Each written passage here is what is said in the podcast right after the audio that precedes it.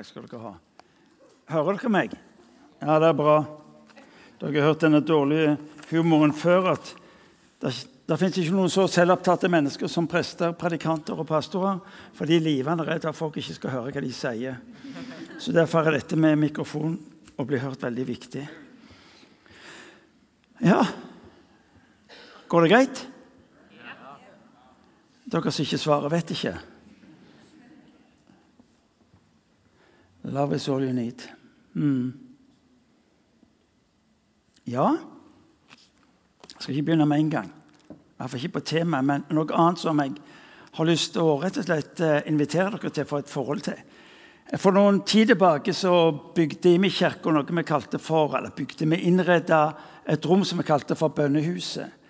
Og, og, Det er et sted, et sånt type sted hvor det er ikke folk som har møter, men der er lovsang 24 timer i døgnet.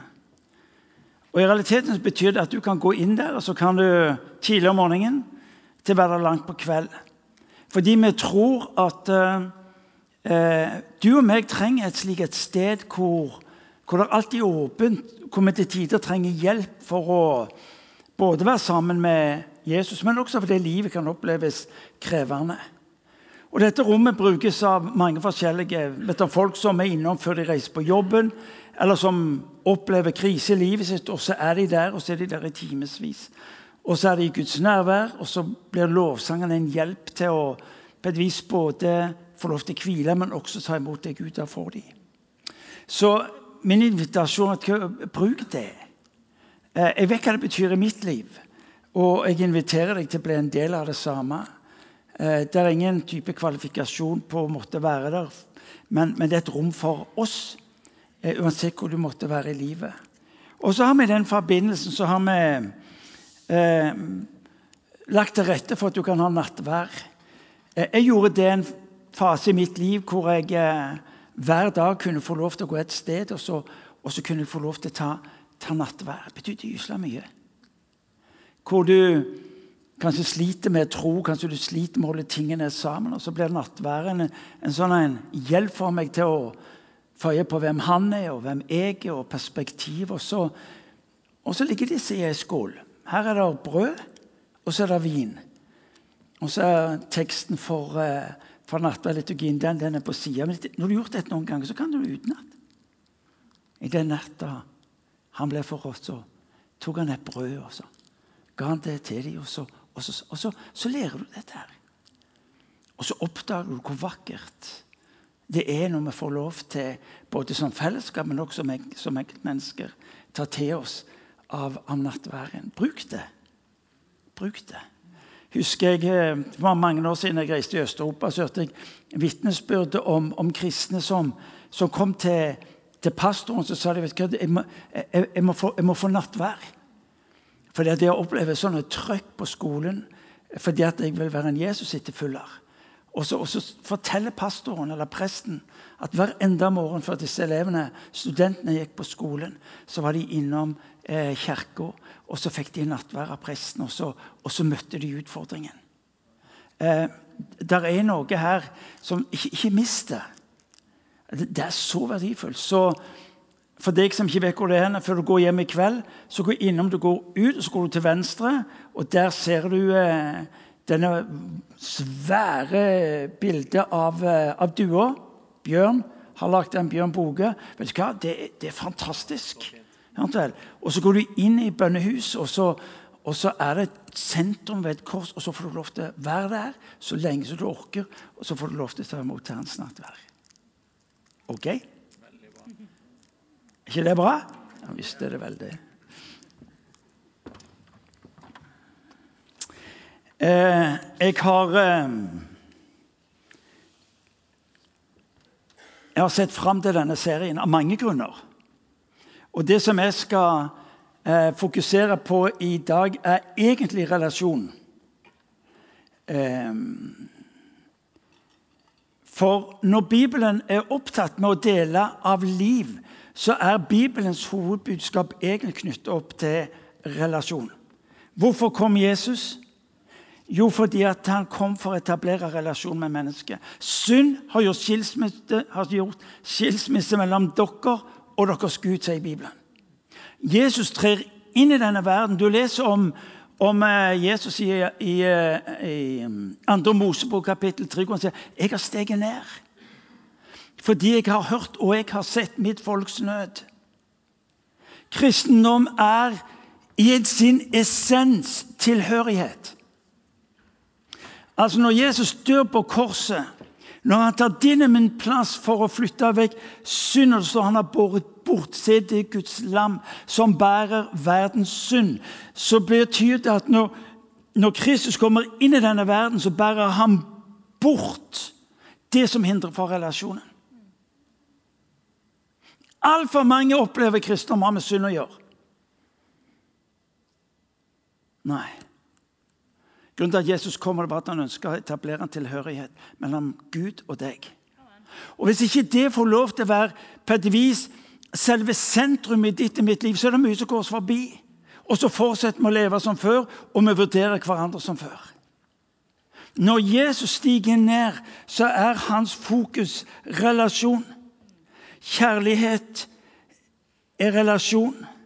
Han skapte folk med tanke på relasjon og kjærlighet. Når han etablerer et type nedslag for sin virksomhet gjennom et folk, så er det med tanke på relasjon og kjærlighet. Så er det med tanke på relasjon og kjærlighet.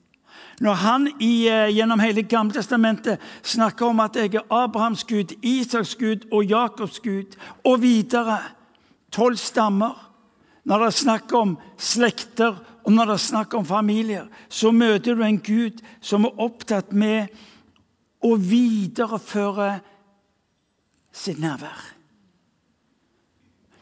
En gang til.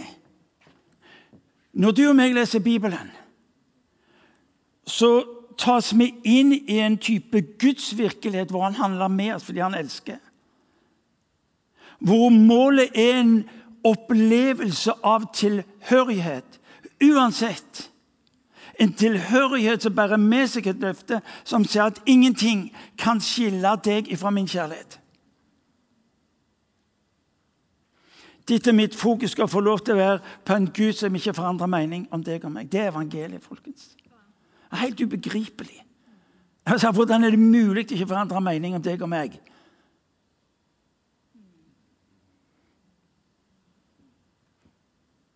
Når vrangsida av vårt liv kommer ut, og vi ikke fikser livet som vi burde gjøre, og alt det der Ingenting kan skille deg fra min kjærlighet. Abrahams Gud, Isaks Gud, Jakobs Gud. Og så videreføres dette her. Så videreføres dette her gjennom eh, kirken, når den etableres, og som du kan lese om i Nytestamentet, så brukes igjen begreper som knytter oss til historien. Om en Gud som handler inn i mennesker sitt liv. Eh, vi leser i Efeserbrevet, kapittel eh, 2, vers 19. Der står det Derfor er dere ikke lenger fremmede og utlendinger. Nei, dere er de helliges medborgere og Guds familie. Altså Guds familie, ikke din familie. Guds familie det betyr han har en standard på sin familie. Han har en forståelse av hva han mener med familie. Og Noe av det som blir viktig for deg og meg, det er jo ja, men hva, hva betyr Guds familie? Hva betyr familie i ditt perspektiv, Gud? Og Da er det viktig for oss å gå tilbake til Skriften og få tak i ligger det føringer møte med noen av de elementene som gjør Guds familie faktisk oppleves annerledes enn det du og meg er vant med. Guds familie. Ja, det høres flott ut. Problemet er å få tak i dette, det at vi leser og forstår ordet familie annerledes med en vestlig forståelse. Men det som på et vis er vår type livssituasjon. Forstår, vår forståelse av ordet familie er på et vis rimelig moderne. Vi går ca. 200 år tilbake i tid. Kjernefamiliebegrepet. Det er egentlig ukjent i Bibelen. Det er egentlig ukjent som en del av den historiske vandring om du vil, som israelsfolket hadde. Kjernefamilien var en del av en større familie. Kjernefamilien var aldri selve sentrum. Det var storfamilien.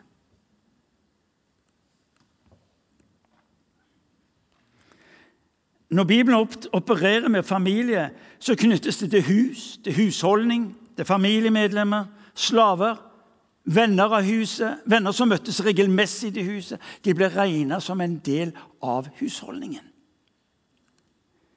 Vi snakker om en utvida familie, en stor familie som er mye mer presis. Og da går vi langt utover det du og meg har en forståelse av familie, nemlig knytta til det vi kaller for kjernefamilien. Og så blir det så feil! Ja, dette er bare innledningen. Kjernefamilien, det blir så feil. Greia er den at Når vi snakker om familie inn i en vestlig kontekst, så hører folk det med utgangspunkt i forståelse av hva familie er. Da får de også en forståelse av hvem Kirka er til for. Fordi at Når vi bruker ord som familie eller menighetsfamilie, så vil folk tenke oi, at det er for, det er for familier.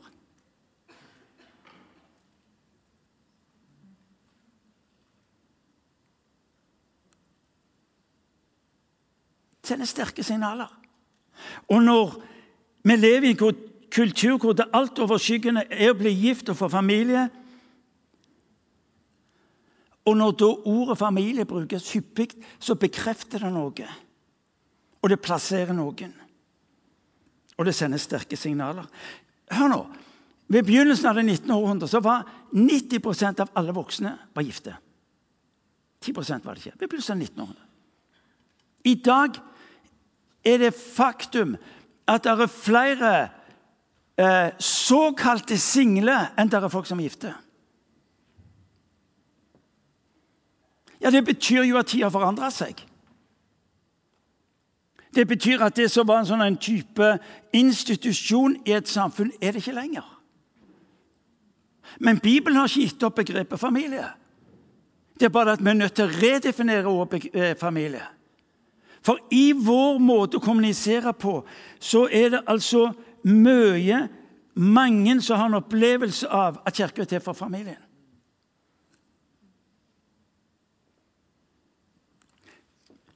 Vi snakker gysla lett om generasjoner. Snakker om barnearbeid, og ungdomsarbeid, og voksentarbeid og, og eldrearbeid. Men jeg kunne nesten se er type tverrstruktur i det der.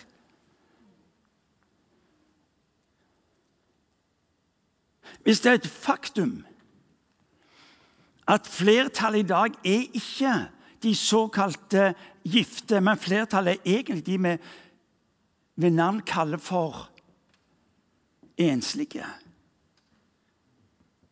Så er de på et vis ikke inne på synsfeltet vårt engang.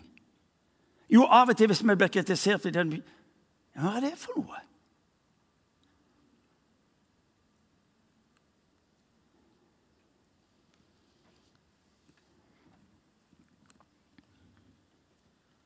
Bare betegnelsen singel er jo nesten per definisjon jeg har sagt diskvalifiserende. Den er plasserende. Familier single.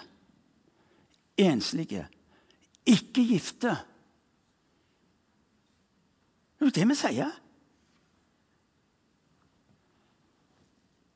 Nikk hvis dere antar at dere får tak i hva jeg sier.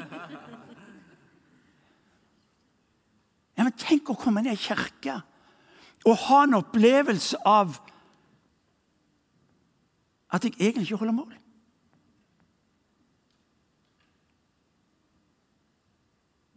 Og ja, så sitter en del som er gifte eller familie, og det blir ikke så alvorlig. Nei, det er klart ikke det, for det er ikke ditt problem.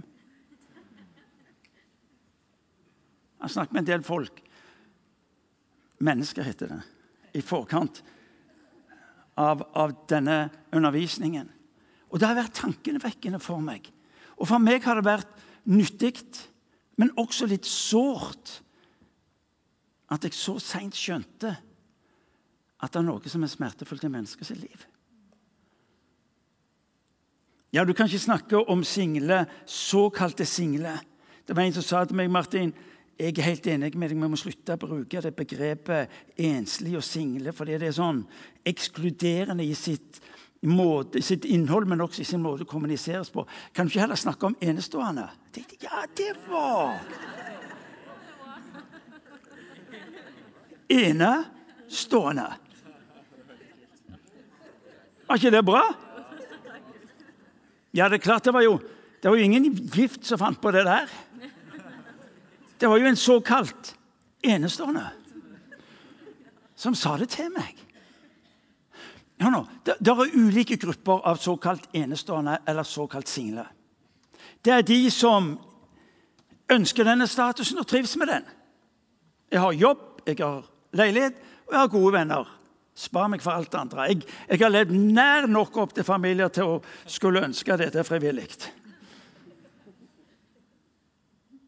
Det er faktisk sant. Mange velger å ikke gifte seg ut ifra erfaring av hva de har sett. Av skilsmisser, av konflikter, spenninger.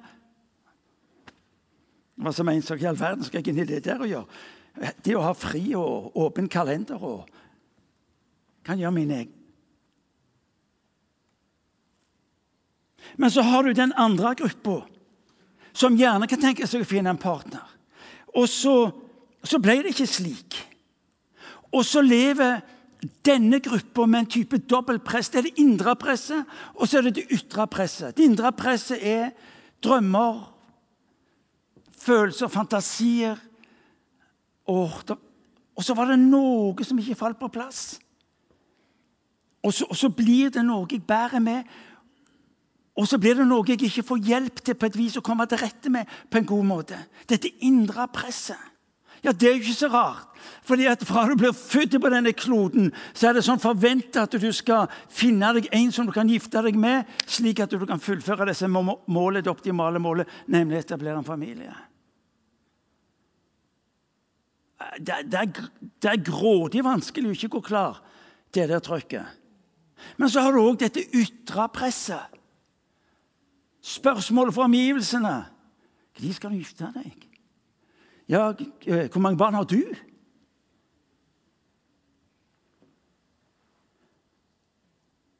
Sier noe om verdi. Men det oppleves også som ekskluderende. for svaret er jeg har ikke noe barn og jeg er ikke gift, så er det sånn Å ja, så du er sånn, du.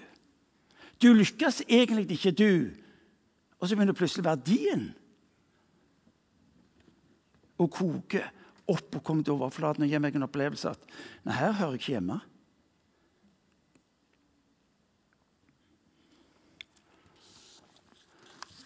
For meg, det, for meg, var det, nyttig denne uka å møte en del gode venner som jeg har stor respekt for, som ærlig delte livet med meg.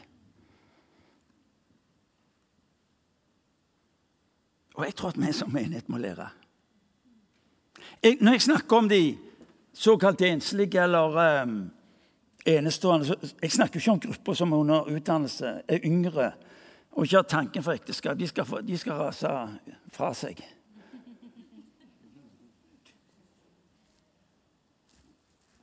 Cirka. Grupper jeg her snakker om, det er grupper sånn 25-30 år oppover.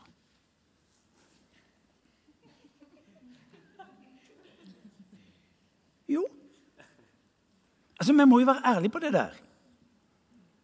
Opplevelsen av at uh, dette indre og ytre presset følger meg i stadig større eller mindre grad. Det er en gruppe som har ikke tanker, har ikke planer, ønsker ikke. Til de som bærer med seg noe som egentlig er sårt. Og så kan vi til og med fleipe med det. Dårlig humor på deres bekostning. Slutt med det! Hører du? Slutt med det der. Vi vil ikke ha det. Vi behandler hverandre med respekt.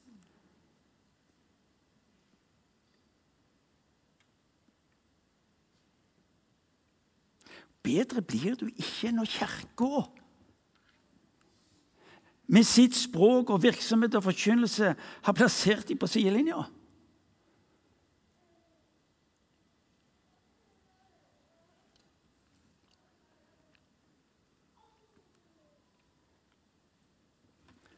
En annen gruppe av såkalte single eller enestående det er de som har opplevd samlivsbrudd i livet sitt. Det er jo ikke bare nok med at de opplevde et smertefull prosess i et samliv eller en relasjon, men, men så blir også kirka et problem.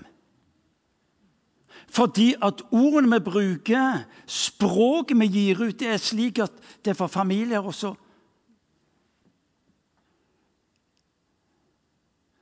Jeg kom til å høre på litt på en preik her om dagen om, om tematikken skilsmisse. Og, og jeg tenkte, kjære Gud, om ikke livet er smertefullt nok, om ikke jeg skal få en dose heftig religiøsitet trukket ned over hodet mitt i tillegg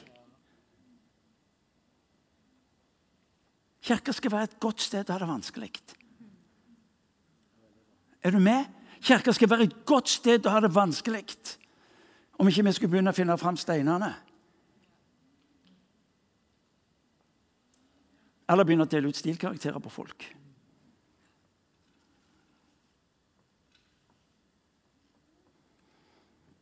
Ja, det er klart Så har du også grupper av såkalt enslige som som har valgt ut ifra kall og tjeneste. Sølibatet det har ikke hatt så store rom i en luthersk eh, tradisjon, men det er noen. Hør nå. Kan vårt fokus på kjernefamilien føre til at vi overser enslige og ekskluderer dem? Svaret ja. Spørsmålet er retorisk. Jeg har møtt altfor mange mennesker som sier ja. Det er en opplevelse av ekskludering. At kirka er egentlig til for familier. Det er litt tankevekkende at vår tids folkesykdom er ensomhet. Og jeg tror det henger sammen. Jeg tror det henger sammen. Fordi vi har gitt folk en forståelse av hva familie er. Og Hvis du ikke da er en del av en kjernefamilie, så er du utafor. Og det blir dobbelt vanskelig når ei kirke som i sin, i sin fundamentale forståelse er et sted for tilhørighet. For relasjon. Ja, jeg er enig, det er ikke lett å se halleluja til, til akkurat dette, men, men det overordna perspektivet av hva det skulle være, ta det med deg. Hør nå. Jeg har vært pastor i den menigheten i 39 år.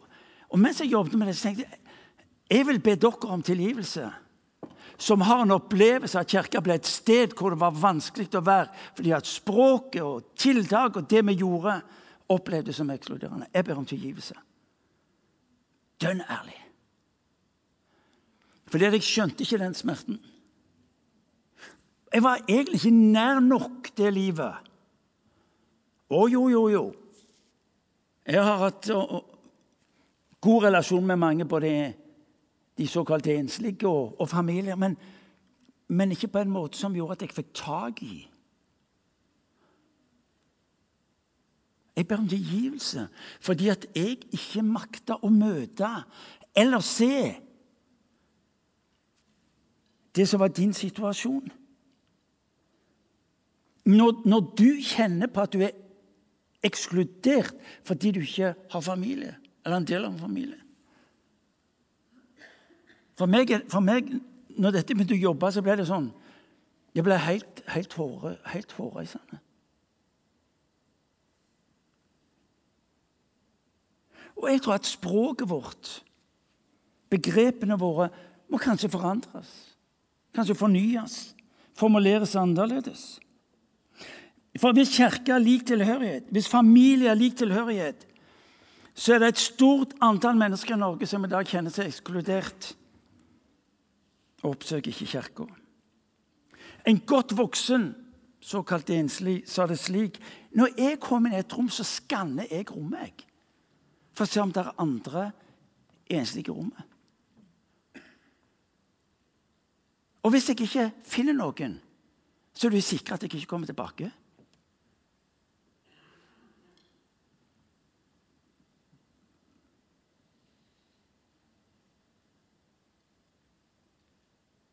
Det har noe med en opplevelse av tilhørighet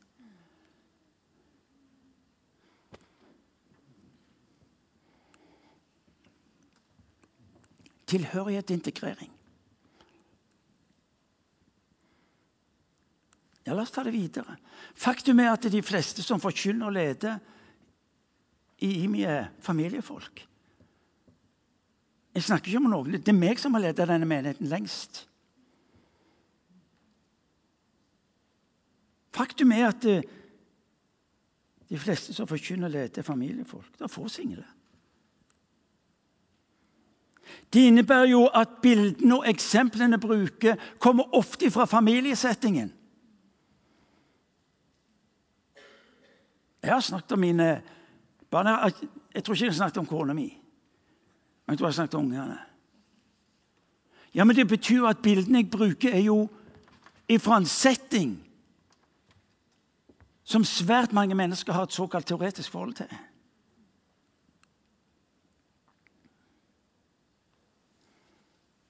Har vi et språk som omfavner eller skiller? Vi må spørre oss det spørsmålet. Og hør nå, nå snakker jeg ikke bare om pastoren. Jeg snakker om dere. I min kirke er det ikke pastoren. I min kirke er oss. Det er jo vårt språk, det er jo vårt innsteg i folk sine liv som på et vis skiller eller omfavner. Hvis han har steget ned så var det for å omfavne. Så er faktisk du og meg i stand til å skille det han har kalt oss til å omfavne. På grunn av språk, på grunn av holdninger og forståelse. La meg si en ting. Denne gruppa av såkalt enslige eh, de vil ha seg frabedt og bli oppfatta som et problem. Men det har noe med en grunnleggende forståelse Og, og dere som måtte være såkalt enslige eller enestående Kirka sin oppgave er jo ikke primært å forholde seg til såkalt enslige. Kirka er kalt å forholde seg til mennesker. Kirka er kalt å forholde seg til mennesker. og Det betyr at vi må hjelpe hverandre til et litt annet utgangspunkt enn det som er situasjonen i dag. For hvis Bibelen opererer med storfamilien som det sted hvor vi får lov til å tilhøre, så er det noen ord og noen holdninger som ikke lenger Det er ikke inngang for det. Fordi vi ser på hverandre og vurderer hverandre annerledes enn det folk tenker.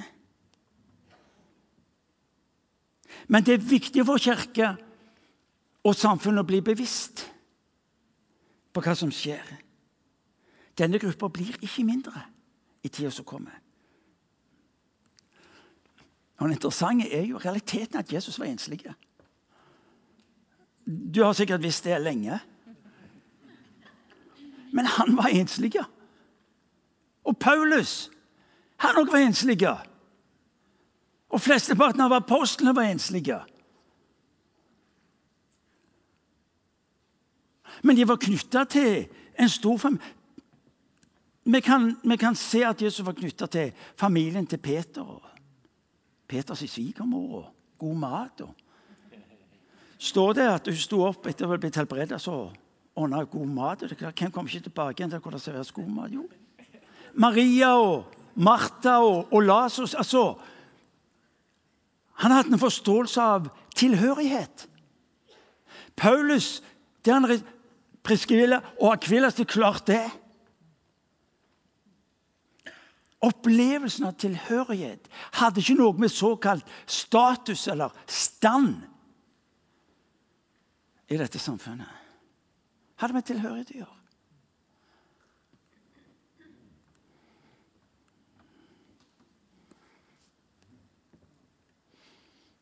En ting til.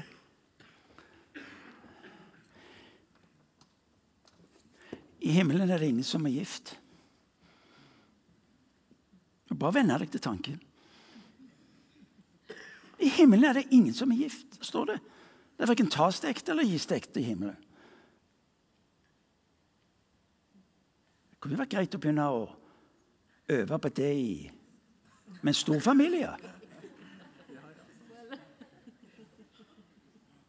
Men det kan godt være at det vi får tak i, at det som for oss er det optimale Målet i livet er å finne en partner som blir gift. Hør nå. Vent nå litt. Grann. Altså timeout. Kirka har to grunnleggende eh, sagt, institusjoner. Eh, du møter det i dåpen. Hva er dåp? Dåp er tilhørighet.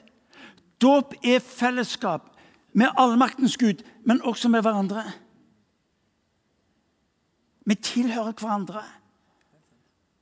Nattværen er fellesskap med allmaktens Gud, men også med hverandre. Eh, skjønner du? Altså, Hver gang du tar nattvær, så er det en påminnelse om hvem du tilhører. Ja, den er grei. Den har vi taket på. Men vi sliter litt med den horisontale linja. Hvor jeg mottar brødet og vinen, og så blir det en sånn bekjennelse til Gud Fader. Men det er også en bekjennelse til deg, som er min bror og søster. Som sier at når du er fattig Elling hadde en var ikke det på gudstjeneste en glimrende input om dette med nattværen? Var det her, eller var det stab? Ja. Men, men hvor det ligger i bekjennelsen av nattverden at når du er fattig, så vil jeg være fattig. Når du er ensom, så vil jeg være ensom. Når du er fattig, så vil jeg være fattig. Fordi du, du skal vite og du skal se og du skal erfare at som du er og har det, vil jeg ha det. Det sier nattverden. For et perspektiv av at det Gud velsigner, som er ikke på noe som skal gå Hver gang du tar nattværen, så vet du Er noen rundt meg her som er Så kan du gå til dem så kan du si vet du hva? Når du er fattig, så skal du være Jeg vil være fattig for din skyld. Når du er ensom, så skal du vite jeg vil være det for din skyld. Det ligger en kraft i nattværen som tar oss inn i en relasjon med hverandre som er guddommelig i sin nedslag og i sin virkning. Vi må ikke miste det der. Hvis ikke så blir det nattvær sånne religiøse greier vi driver på med.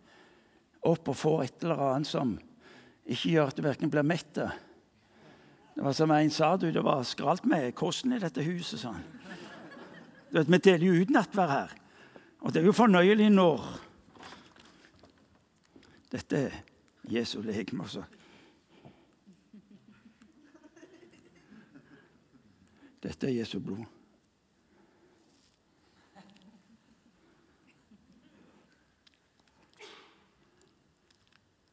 Vi må hjelpe folk til å få tak i at når vi deler nattverd med hverandre, er det en bekjennelse om å tilhøre hverandre.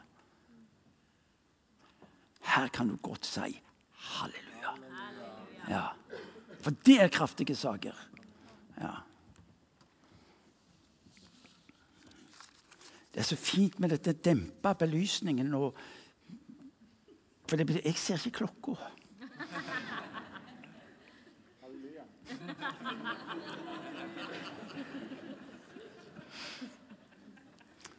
Jeg skal prøve å slutte, men det er ikke helt.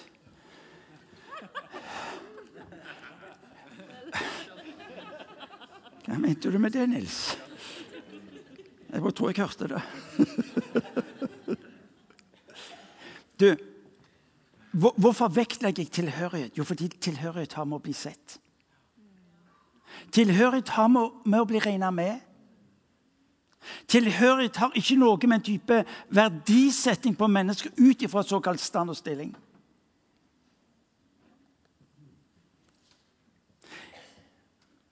Istedenfor er det mange av de såkalt enslige som opplever alenehet.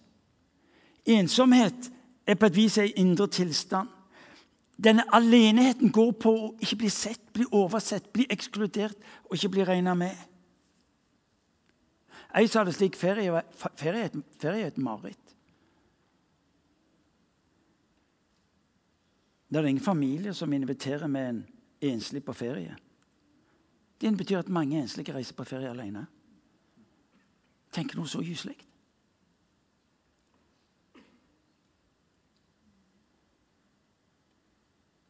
Familien trenger de enslige. Og hør nå, ikke som barnevakt.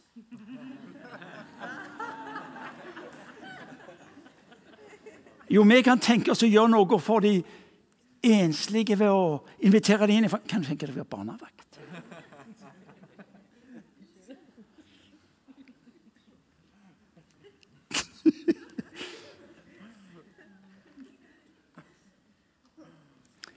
Men som venner og medvandrere Vi må slutte å introdusere familien som en option til såkalt single.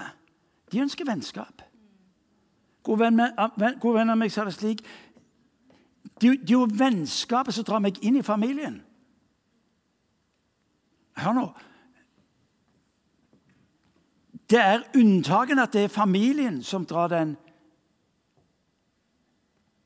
såkalt enslige inn i familien. Det er relasjonen. Det er opplevelsen av å ha noe sammen. Det er jo opplevelsen av å trives i hverandres selskap. Det er jo nettopp opplevelsen av tilhørighet. Og Hvis ikke den får lov til å starte én til hva, så vil det i de fleste tilfeller heller ikke gå opp når det gjelder familie.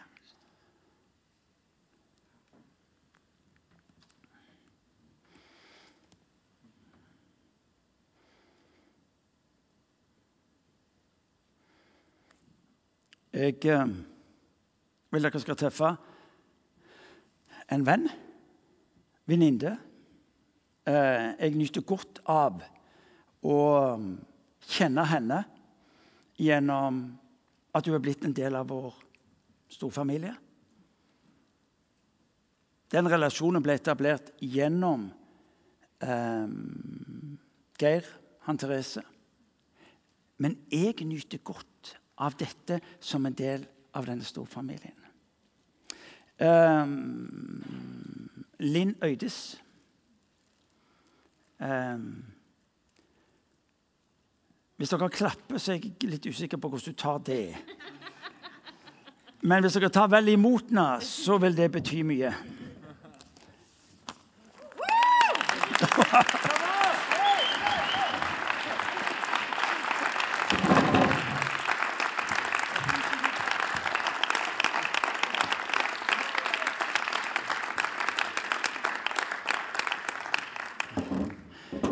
vil si, Det var ikke min skyld.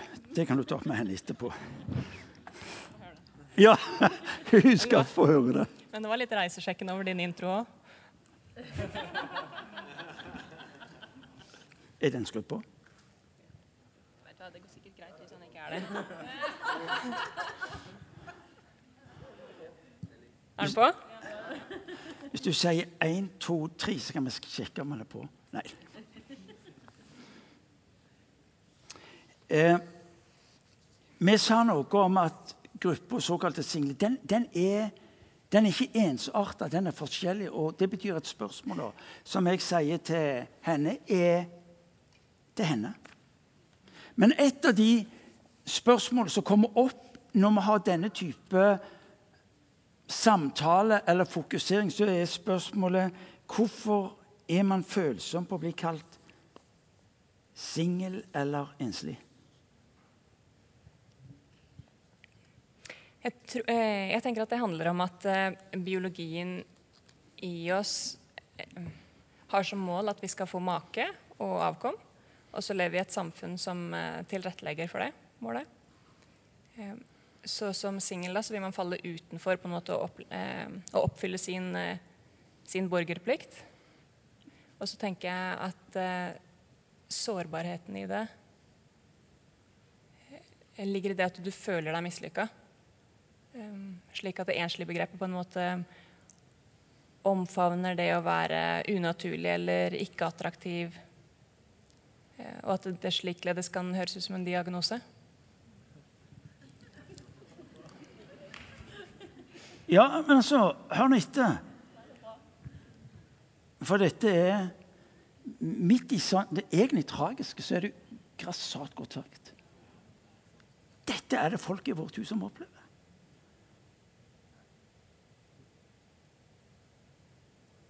Vil du si noe mer? Nei Du er plage. Men sånn er det jo. Du sier jo hvordan det er. Men hvordan opplever da du din verdi som singel i kirka? Det spørsmålet går ut til deg, men for så vidt kan du også si noe av det du antar gjelder for flere såkalte single. Altså, jeg skulle jo ønske det ikke var et spørsmål. At det ikke, var en, uh, ikke trengte å stilles. Jeg, jeg, tror at uh, noe av det uh, kan nok ha med at kirka er en arena der man ser veldig mange velfungerende eller tilsynelatende velfungerende familier. Og man minnes da på at man faller utenfor.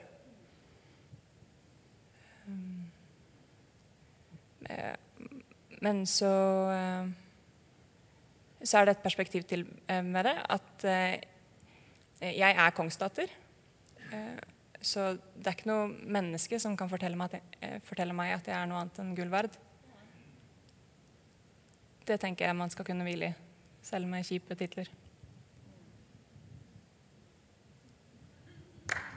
Ja.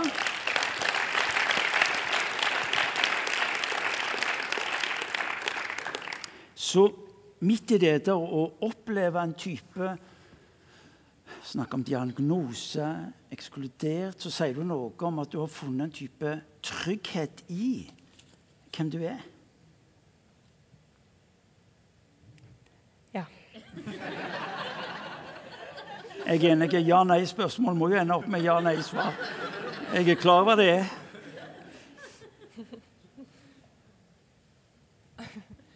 Ja, du vet hva jeg kommer til å spørre om. Ja, greit. Um, ja, OK. Det du har lyst til at jeg skal fortelle om, er at um, det her med jobben Ja. ja. Hvis det høres ut som om vi har snakket om dette på forhånd, så stemmer det. altså. Jeg kom til skade ved å gjøre en sammenligning eh, om at eh, når jeg sitter i møter på jobb, så kan jeg stille dumme spørsmål, eller jeg kan eh, komme med dårlige forslag. Men så kan jeg likevel lene meg tilbake eh, og være selvsikker i det at eh, jeg egentlig er flink i faget mitt. Og de rundt meg veit at jeg er flink i faget mitt. Eh, og at det kan være en liten parallell da, til det å være Å ha et eh, Å gjøre ja, kjipe ting eller eh, være noe kjipt i kirka, så kan jeg likevel lene meg tilbake og være selvsikker på det at jeg, jeg er gull verd. Det er nydelig. Dette gjelder jo ikke bare de såkalt innstilte, dette gjelder oss alle sammen. Men kanskje midt i en menighetssetting hvor, hvor ting kommuniserer, så blir det jo ekstra viktig. Du, eh, du fortalte meg om eh, Du overhørte en samtale om eh, forståelsen, fantasiene familiefolk, enslige, har med hverandre. Se litt om det. Ja, jeg overhørte to venninner sitte og prate. Og da var hun ene var familiedame, og hun andre var ikke. Og så eh, prøvde de å finne ut av hvorfor de ikke lenger brukte noe tid sammen. Og det var en sånn sårhet i den, eh, den samtalen.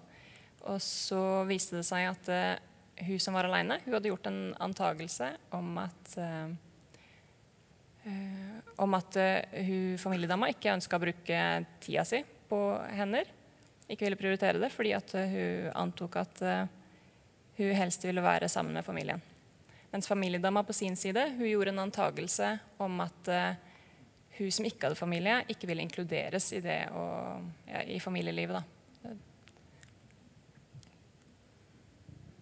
Men dette er jo noen av de bildene vi vet lever sitt liv mellom oss. Um, jeg sa noe om det fordi jeg hadde lært av deg. Eh, men, men, du sa noe om at innsteget i en familie er egentlig ikke primært familien, men denne relasjonen én-til-én som du har med et menneske i den familien. Se noe om det, og gjerne ut ifra din egen erfaring. Du snakker om Team Loftesnes. Det er jo festen. Se litt om det. Mm, ja. Eh, jeg har jo tatt til meg Team Loftesnes. Eh, og eh, det skjedde ved at jeg først valgte Hanne Therese. Eh, og så vant jeg, vant jeg de andre litt seinere. Men per i dag så er det slik at jeg har et, jeg har et eget forhold til hver av de fire medlemmene. Sånn at hvis f.eks. Min fire år gamle venn og jeg er uenige om fotballregler eller hvordan Sabeltann-låtene skal synges, eh, så veit jeg at jeg har eh, så er, ikke, så er ikke hun lenger i posisjon til å kunne ta med seg familien sin og gå fra meg.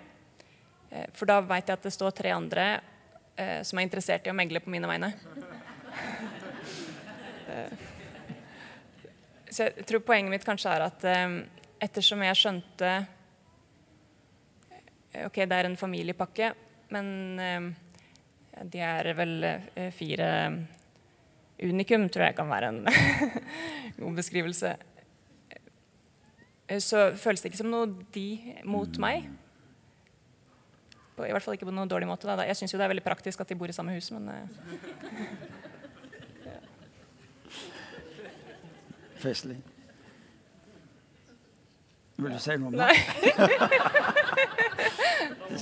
om du bare dumt, for jeg visste hva svaret ville bli. Men eh, Linnøydis kommer ikke til å gå før møtet er slutt. Er du med? Så hvis du har spørsmål, ting du Ja, så spør meg. Det er et tema som kanskje er litt sånn men, men vet du hva? Hvis ikke vi setter navn på de tingene som vi opplever, så er det, det er ting som lever sitt liv der i denne tausheten. Beste måten å ta knekken på det på, det er å våge å være ærlige og tydelige. Skal vi gi henne en skikkelig klapp?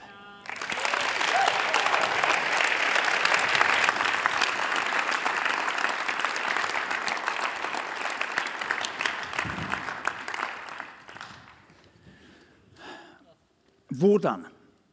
Hvordan? Hvordan kan vi komme til rette med det? Jo, se på språket vi bruker. Vi vil jobbe med det her i menigheten. Vi vil, vi vil, vi vil tilstrebe en type forståelse som reflekterer at vi ikke handler i den samme grøfta hvor vi plasserer og, og verdisetter osv. Det har noe med språk å gjøre. Eh, nettopp fordi at begrepet familie gir ulike assosiasjoner, så er det viktig for oss å, å jobbe med begrepet. Har dere tips og forslag til det, ja, så si det til oss. Eh, men vi vil ikke leve lenger med det vi opplever gjør seg gjeldende mellom oss. Vi må strukturere for det. Derfor har vi huskirker. Eh, huskirker er, et- er et glimrende sted til nettopp å begynne den vandringen hvor jeg forstår meg sjøl som en del av en storfamilie. Ja, Det er ikke alt som fungerer like greit ennå, men vi tror vi har retningen. Og så, og så går du inn, og så får det bli et sted hvor vi begynner på denne vandringen mot det som vi tror skal bli nettopp det vi drømmer om, å være en del av denne familien. Eh, ikke på bakgrunn av, men, men ut ifra hvem vi er som, som enkeltmennesker. Eh, hun nevnte det, Linn Øydes, vennskapet som starter med én til én. Ikke se for deg eh, såkalt enslige som barnevakter. Eller du som er såkalt enslig, tenker nå får jeg en hel familie midt i planeten. Jeg orker ikke. Nei, men Da starter du med vennskapet én og én, og så er det veien inn i denne utvidede relasjonen. Våg det! Ansvaret her går begge veier. Begge veier. Vi vil be om at vi som menighet skal få være et inkluderende fellesskap i det vi nå snakker om. Fordi vi erkjenner at vi, vi skulle ha egentlig vært så mye lenger ned på den berømte veien. Men, men vi gir ikke opp fordi vi både vet at vi har såkalte familier, og vi har såkalte enslige som sier vet du hva, vi skal ikke gi opp. Her skal vi lykkes. Her skal vi se noe vokse fram som blir det vi alle egentlig drømmer om at det skal være. Så kan dere snakke om denne preika etterpå.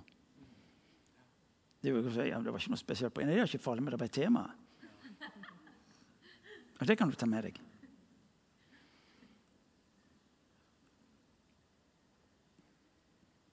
Jeg skal slutte. Men med dette innholdet så tror jeg det er viktig for oss å få Ikke bare slutte med nå, men ta med oss i vandringen videre det som står i første brev til Korintierne, kapittel 8. Eh, Dette å løfte blikket høyere enn ekteskap og det å være singel. Til å se seg sjøl som en del av det Gud gjør inn i denne verden. Vet du hva? når, når det er fokus som står i- teksten på skjermen, så kommer vi også nærmere hverandre. Men for oss er det én Gud, vår Far. Alt er fra ham, og til ham er vi skapt. Og det er én Herre, Jesus Kristus. Alt er til ved ham, og ved ham lever vi, uansett status, for å bli det han har kalt oss til å være inn i denne verden. Slik at du og meg fullfører det som er hans hensikt med våre liv.